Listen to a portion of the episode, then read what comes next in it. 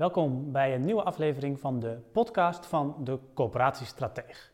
Mijn naam is Ritske Dankert. In deze podcast wil ik het met je hebben over het driekamermodel. Wat kun je daar nou eigenlijk mee in de praktijk?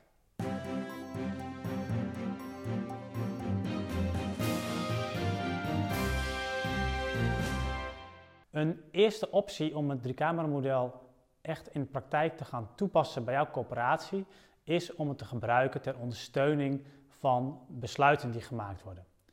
En dan met name de beleidskeuzes op strategisch niveau. Wil je bijvoorbeeld vooral investeren in betaalbare huren? Wil je juist veel geld vrijspelen om nieuwe investeringen te kunnen doen, dus nieuwe woningen te kunnen toevoegen bijvoorbeeld? Dan kun je het driekamermodel daarvoor gebruiken. Met het driekamermodel zie je namelijk precies op één A4'tje eigenlijk waar het geld naartoe gaat. Besteed je het geld op dit moment vooral aan het verlagen van de huren of juist aan extra onderhoud in bestaande woningen? Of besteed je het juist aan het investeren in nieuwe woningen of desinvesteringen, etc. Nou, als je dat eh, in kaart hebt, dan kun je natuurlijk ook gaan schuiven met die getallen en kun je op basis daarvan bekijken hoe, wat wordt dan de uitkomsten daarvan. Dus ja, hoeveel woningen kan ik echt betaalbaar houden? Of hoeveel woningen kan ik toevoegen? En op basis daarvan kun je vervolgens je keuze bepalen. Ga je helemaal inzetten op, op betaalbaarheid en doe je helemaal niks meer aan nieuwbouw, et cetera? Kies je een tussenvorm of zeg je, ja, we hebben gewoon de middelen nodig om nieuwe woningen te kunnen toevoegen en dat, is, dat kan in jouw woningmarkt bijvoorbeeld heel erg noodzakelijk zijn. Een tweede manier om het driekamermodel in de praktijk toe te passen is om het te gebruiken in het gesprek met belanghebbenden. Bijvoorbeeld met de gemeente of met je huurdersorganisatie. Ook daar geldt weer, het driekamermodel laat op één A4'tje eigenlijk zien hoe de geldstromen lopen en waar jij als corporatie je geld aan besteedt. besteed jij inderdaad je geld aan die investeringen of aan de betaalbare huren waar we het eerder over hadden? Nou, je kunt dan ook aan belanghebbenden laten zien wat er gebeurt als je daarin schuift.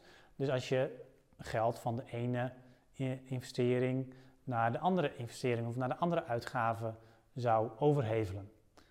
Op die manier maak je heel inzichtelijk, ook voor belanghebbenden, hoe dat, uh, hoe dat gaat en laat je ze ook zien dat je je geld maar één keer kunt uitgeven.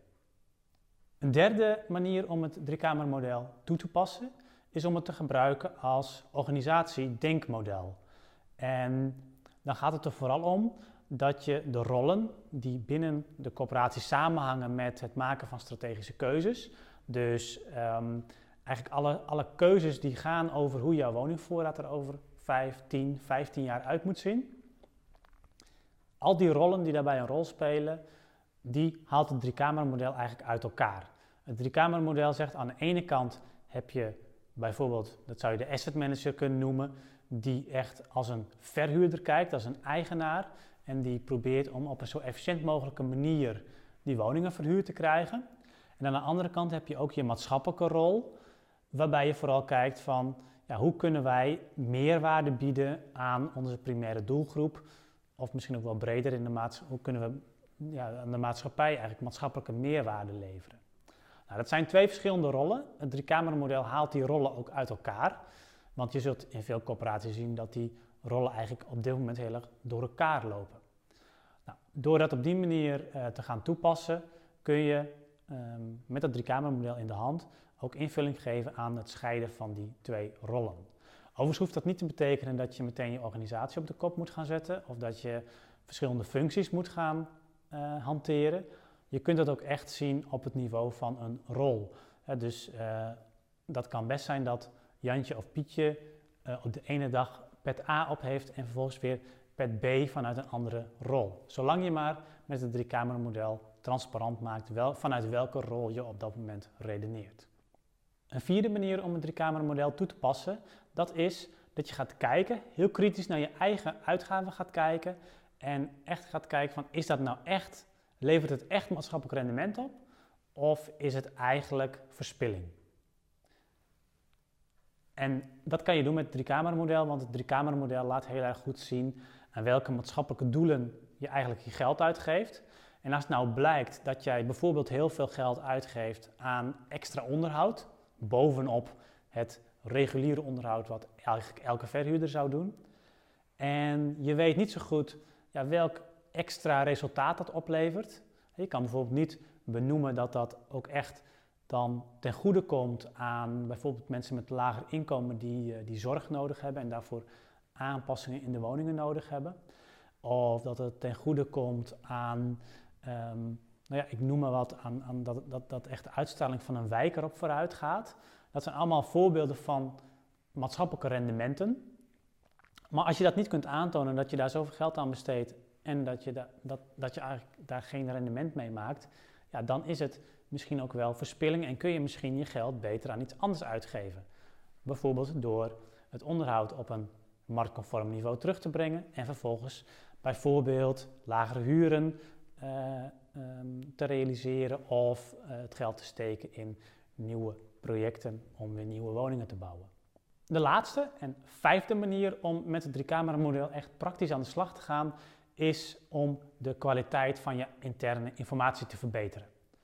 Als je het driekamermodel gaat gebruiken, dan zul je zien dat je op een hele transparante manier inzichtelijk krijgt ja, hoe de geldstromen binnen de coöperatie gaat.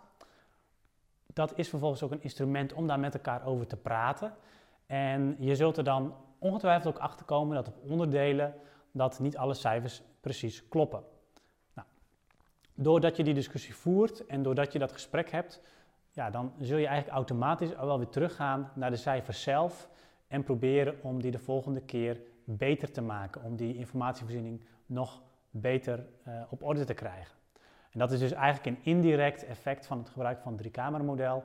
Dat op het moment dat je daar echt over gaat praten, binnen je coöperatie, maar ook met belanghebbenden, dan zul je er tegenaan lopen dat misschien niet alle cijfers 100% nauwkeurig zijn. En um, nou, omdat je natuurlijk die cijfers op dat moment wel bespreekt en nodig hebt, leidt dat er ongetwijfeld ook toe dat je dan teruggaat en gaat kijken, ja, hoe kunnen we nog de, de kwaliteit van die, van die data, hoe kunnen we die binnen onze coöperatie nog verder verbeteren en optimaliseren. Dus dat is ook weer een voordeel van het werken met het driekamermodel. Bedankt voor het luisteren naar deze podcast. Wil je nieuwe afleveringen ontvangen? Abonneer je dan op deze podcast. En kijk ook eens op onze website corporatiestratege.nl voor meer praktische tips en downloads die jouw werk als coöperatiestratege makkelijker maken.